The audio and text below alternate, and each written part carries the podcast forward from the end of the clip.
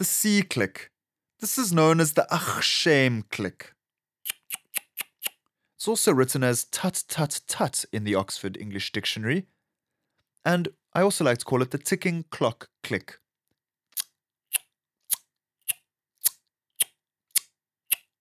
Most importantly, it happens with the tongue in the front of your mouth.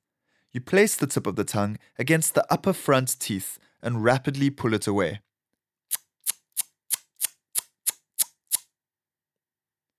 Now let's practice it with the five vowels again. So we're going to start nice and slow. Ah, e, i, o, u. And then we do them a little bit quicker. A, e, i, o, u. And then we try put them together with no gap in between. Ta, te, ti, to, tu.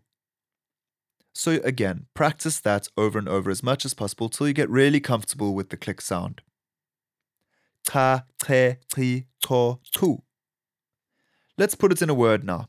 The word for help in Xhosa is nceda. So it's got a slight nasal sound before it. Nceda. A little bit also has the N before. Kancinci. Kancinci. And then the word for request politely, which doesn't have an N, it's just the C by itself. Cela.